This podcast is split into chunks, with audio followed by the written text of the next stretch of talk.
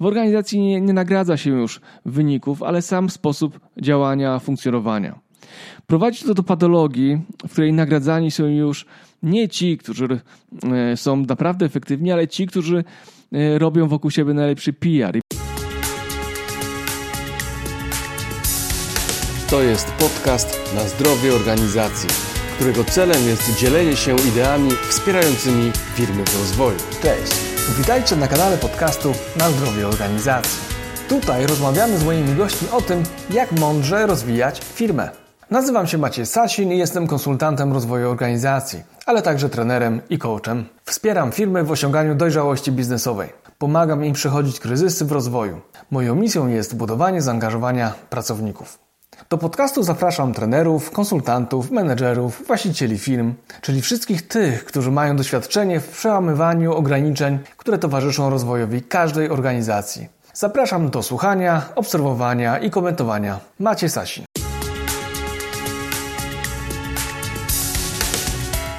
Witam w 47. odcinku podcastu Na zdrowie organizacji. Z tej strony Maciej Sasin, Akademia Rozwoju Kompetencji. Ten odcinek to ostatni z serii poświęconej budowaniu organizacji w koncepcji Adizesa, czyli fazą rozwoju firmy. I w tym odcinku będę opowiadał o tym, jak organizacja upada, y, co powoduje, że w pewnym momencie, kiedy jest w fazie wielkiego rozkwitu, nagle zaczyna popadać w tarapaty. No nie jest może to tak nagłe, bo te symptomy powoli gdzieś tam dojrzewają wewnątrz organizacji, no ale jednak, będąc w fazie rozkwitu, nagle przestaje y, zachowywać ten instynkt samozachowawczy. Adizes fajnie porównuje ten etap do starzenia się organizacji. I właśnie tak jest. To starzenie przede wszystkim odbywa się gdzieś tam w głowach współpracowników, e, właścicieli firm, gdzie no tak naprawdę inne priorytety niż na początku funkcjonowania firmy biorą górę.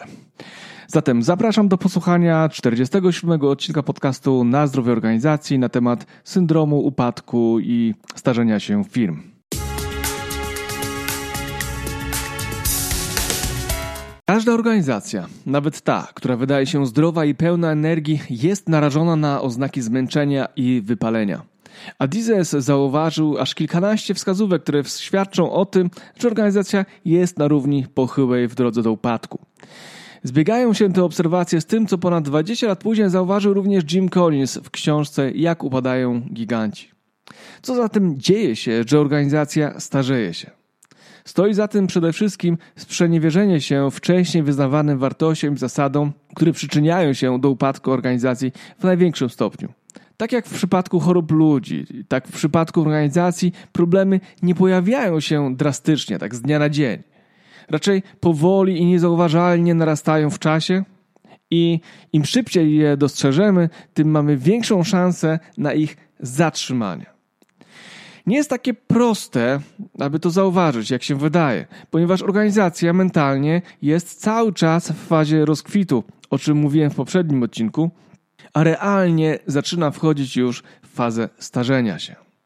Organizacja odnosi sukcesy, a jednocześnie od spodu toczą ją jakieś małe e, procesy, które osłabiają ją od środka. Oznaki starzenia widoczne są najlepiej w kulturze organizacyjnej, między innymi w tym, że unika się ryzyka, brakuje nowych pomysłów na rozwój firmy i jej produktów, a w końcu wiąże się to z utratą kontroli nad realnym zarządzaniem, a przede wszystkim zaczynają się wewnętrzne rozgrywki polityczne. Symptomy starzenia się organizacji pojawiają się w późnej fazie rozkwitu. I pierwsze z nich są niemal niezauważalne. I jak to bywa z pierwszymi objawami choroby, zostają zbagatelizowane, a kiedy zarządzający się orientują, że jest coś nie tak, wielokrotnie bywa już za późno albo jest już naprawdę późno na reakcję. Pomimo tego, że Adizes opisuje symptomy starzenia się firmy po fazie rozkwitu, tak chronologicznie to wygląda, Mogą one pojawić się na wcześniejszych etapach rozwoju. Warto zatem potraktować je jako przestrogę dla każdej firmy, niezależnie od fazy, w której ona aktualnie się znajduje. Pamiętajmy też, że sytuacja w firmie, która funkcjonuje nawet kilkanaście lub kilkadziesiąt lat, zazwyczaj jest bardzo złożona. Niektóre działy czy oddziały firmy są mm, prężne, bardziej efektywne, bardziej skuteczne niż inne. Dlatego trzeba patrzeć na fazy rozwoju organizacji w tych szczególnie dużych organizacjach przez pryzmat e, poszczególnych jej jednostek. Pierwszym, chyba najważniejszym symptomem, który pojawia się u Adizesa, jest unikanie ryzyka biznesowego, czyli lepsze jest wrogiem dobrego, tak można byłoby powiedzieć. Podejmowanie ryzyka biznesowego, które wiąże się z niepewnością, koniecznością zmiany, staje się coraz mniej mile widziane w organizacji. Ma ona na tym etapie zbyt wiele do stracenia. Silną pozycję, skala działalności jest duża, pozycja jest ugruntowana. Trudno na tym etapie podjąć decyzję o zmianach. Przykłady takich firm jak Nokia, Kodak, Polaroid, które z globalnych marek przeistoczyły się w ledwie pamiętane wspomnienie, są tego najlepszym dowodem. Być może firma Apple, która traci swój rozmach, już stoi przed tym wyzwaniem. Zobaczymy. E, kluczowe jest to, że firma traci swój wigor i nie emanuje energią, którą wcześniej bardzo e, też dobrze gospodarowała. Nie chce się już zmieniać, nie chce zmieniać świata, w którym funkcjonuje, chce w nim po prostu przetrwać. W mniejszych firmach widać to, e, czy można poznać to, ten moment, ten symptom, po tym, że nie ma w niej żadnych projektów rozwojowych związanych z rozwojem produktów, nowych rynków sprzedaży, czy też modernizacji parku maszynowego. Firma pogrążona jest w stagnacji. I z tym wiąże się też spadek ambicji i oczekiwanie e, mniejszych wyników.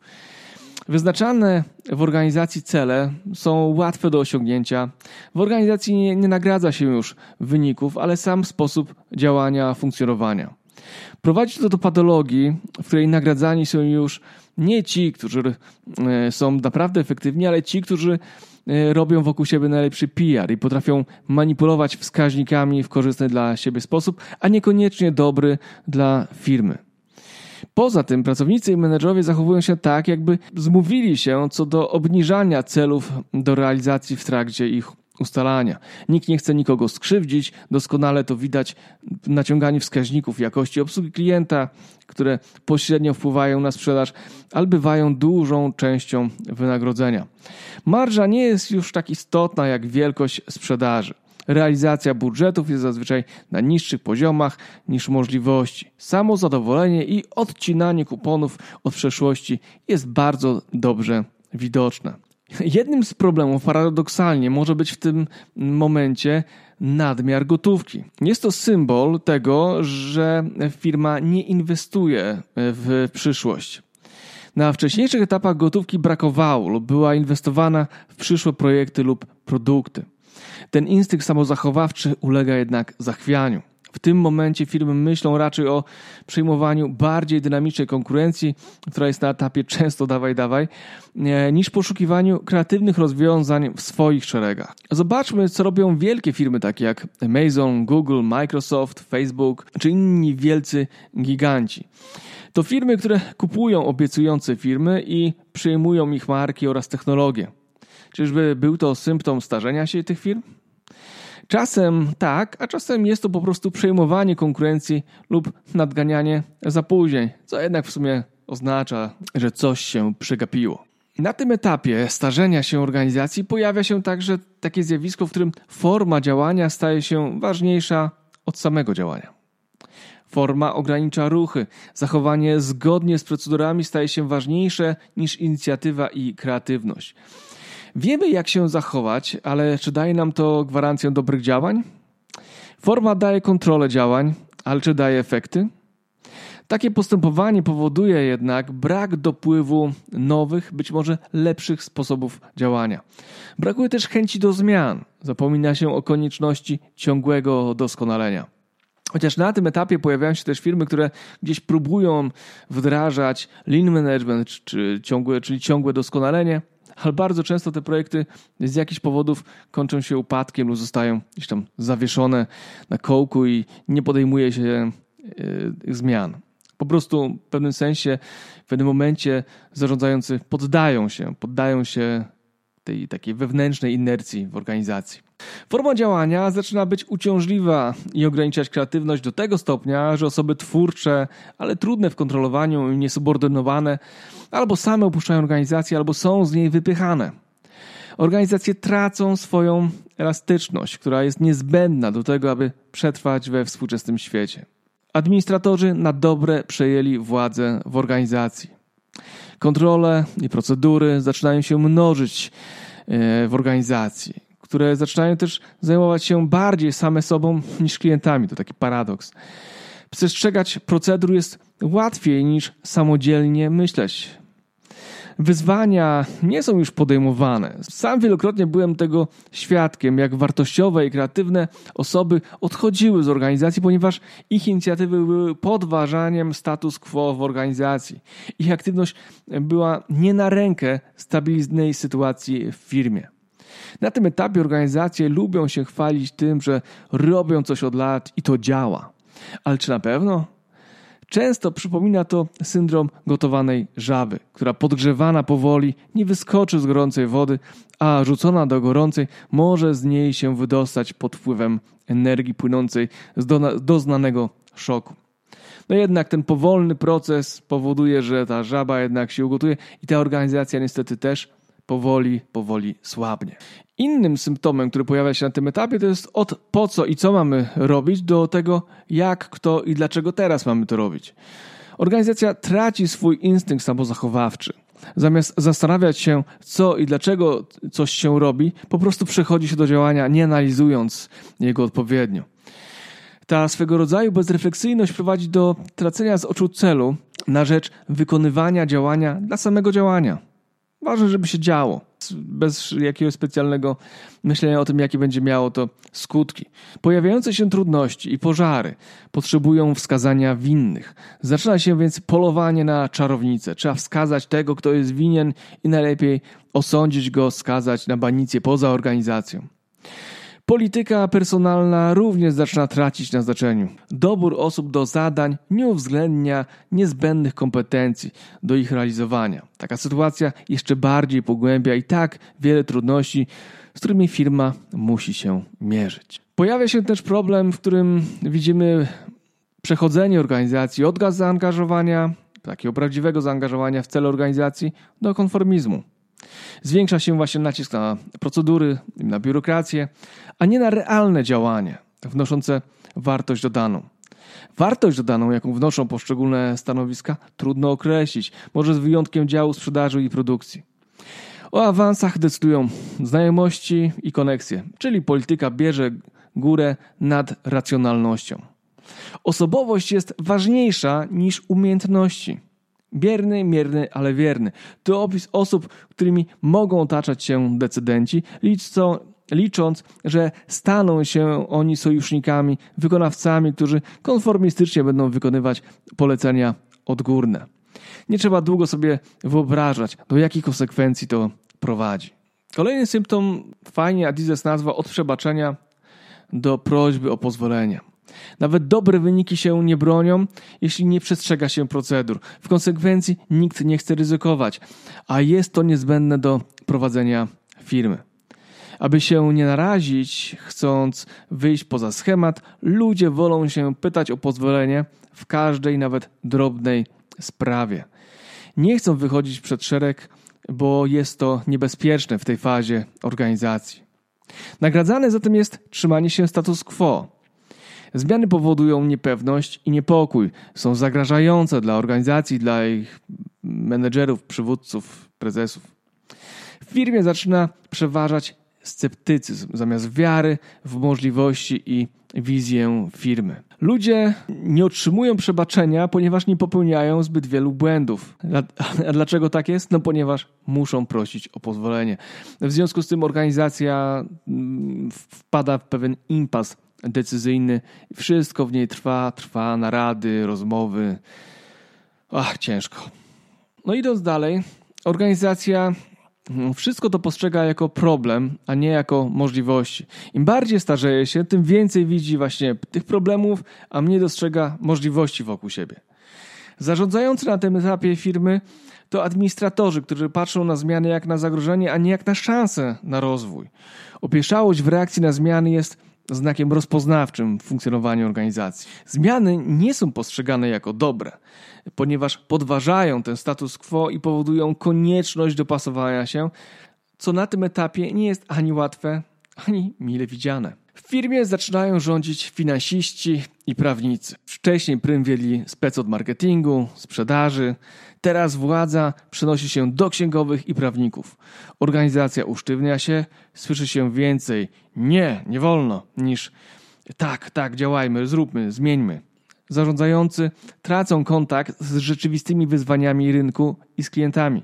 Cięcie kosztów, obniżanie jakości, obniżanie innowacyjności, a do tego złożone umowy, których podpisywanie trwa strasznie długo, poszukiwanie kruczków prawnych to nowy znak czasów.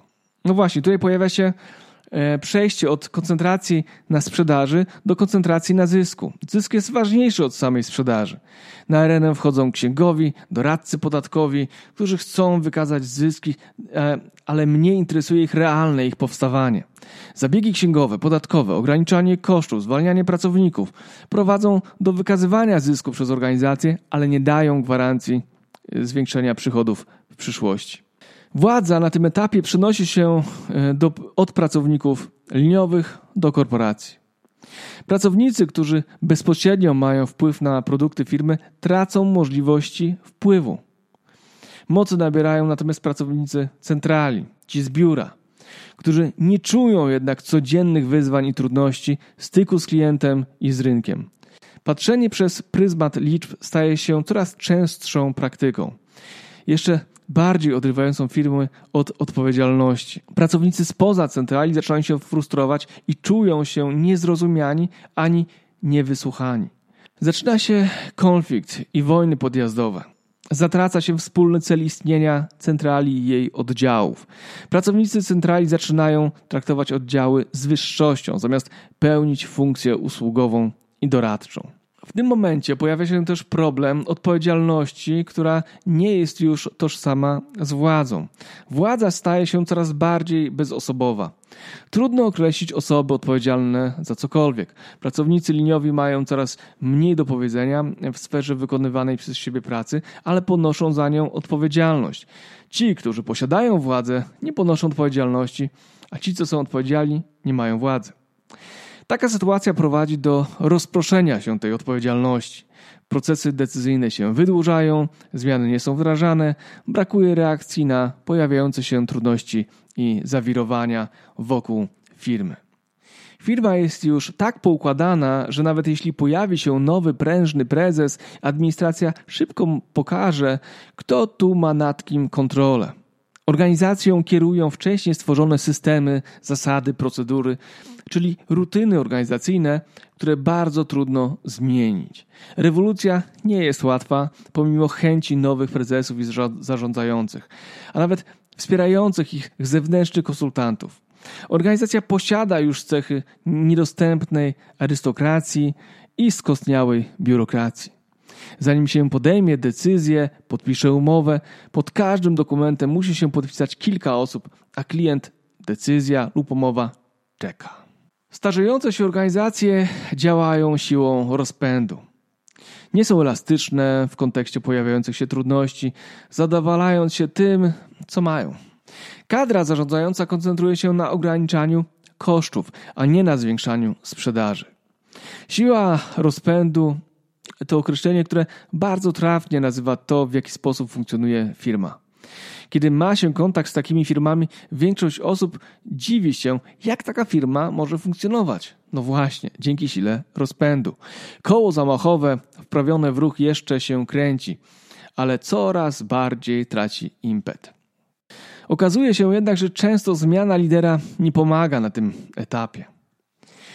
No bo właśnie tutaj próbuje się osiągnąć sukces, wierząc, że zmiana lidera na szczytach pomoże. Tu jednak cały system jest zainfekowany, a zanim nowy lider połapie się w sytuacji, już wejdzie na tory, którymi od dawna prowadzona jest organizacja. Zmiana lidera jest skuteczna wtedy, gdy zmieni on system funkcjonowania w organizacji. Syndrom starzenia się organizacji polega jednak na tym, że to nie organizacja podąża za liderem, a lider za organizacją. Aby pomóc organizacji, często potrzebuje ona jednak konsultantów zewnętrznych, którzy będą proponowali odważne rozwiązania, a nie konsultantów wewnętrznych, którzy będą podtrzymywali status quo w obawie przed reakcjami członków organizacji. Na tym etapie potrzeba świeżości. Trzeba się oderwać od sposobów myślenia i funkcjonowania w organizacji, jeżeli chcemy cokolwiek zmienić. Potrzeba też często radykalnych zmian i ruchów, żeby organizację pobudzić do działania. No i niestety w tym momencie klient nie jest już w centrum uwagi organizacji. Dobro klienta liczy się coraz mniej. Następuje koncentracja na interesach poszczególnych grup w organizacji. Polityka i układy powodują, że część osób jest usuwana z organizacji, a część po prostu sama orientuje się w sytuacji i ucieka z tonącego statku. Organizacja cierpi na tym etapie na chroniczny brak energii. Właściciele i inwestorzy nie chcą już inwestować, bo to organizacja musi karmić innych, i inwestorów, i właścicieli. Zyski, jeśli są, zamiast być inwestowane, są konsumowane. Badania rynku, nowe produkty, strategia przyszłości nie są już od dawna w centrum uwagi. Polityka, niekompetencje mają coraz większe znaczenie, a wszyscy zaczynają się koncentrować na ratowaniu swojej skóry ewentualnie na wskazywaniu winnych. Syndromy starzenia się organizacji są oczywiste. Organizacja, oprócz tego, że traci rozpęd, to sama nie może albo nie chce zauważyć tego, co wokół niej się dzieje. Poszukiwanie winnych i rozrywki polityczne są coraz bardziej widoczne i odbijają się na jej efektywności. Organizacja potrzebuje nowego przywództwa, zmian i bardziej rynkowego podejścia. Ale czy sama jest w stanie to zrobić. Nawet jeśli w organizacji pojawią się głosy zachęcające do zmian, to nie wybrzmiewają one głośno lub są tłumione. Jeśli organizacja nie zmieni się, upadek stanie się coraz bardziej prawdopodobny. Tutaj kończę opowieść o organizacji i jej etapach, które znajdziecie szerzej opisane w książce Izaka Adizesa Zarządzanie cyklem życia organizacji, wydanej w Polsce przez wydawnictwo MT Business. Mam nadzieję, że historia, którą powiedziałem tutaj przez ostatnie kilka odcinków, e, wywrze na tobie pozytywne wrażenie i piętno, dzięki któremu unikniecie błędów w rozwoju organizacji, ale też będziecie mieli świadomość tego, co robić na jej poszczególnych etapach, aby po prostu firma mogła cały czas dynamicznie się rozwijać i utrzymywać na powierzchni jak najlepiej. A tymczasem dziękuję za wysłuchanie tego odcinka podcastu. To już 47 odcinek, a w kolejnych odcinkach będę wracał do rozmowy z gośćmi, a pierwszym z nich będzie Grzegorz Turniak. Dlatego serdecznie zapraszam do bycia razem z nami i do słuchania podcastu. A jeżeli podoba się Tobie ten format, ta formuła, e, ten temat, zapraszam do dzielenia się z nim w social mediach, czy też komentowania, ale przede wszystkim mówienia o tym podcaście swoim znajomym, polecania go dalej, bo być może znajdą oni tutaj rozwiązania dla trapiących ich problemy. A tymczasem życzę Wam wszystkiego dobrego na zdrowie organizacji. Maciej Sasin.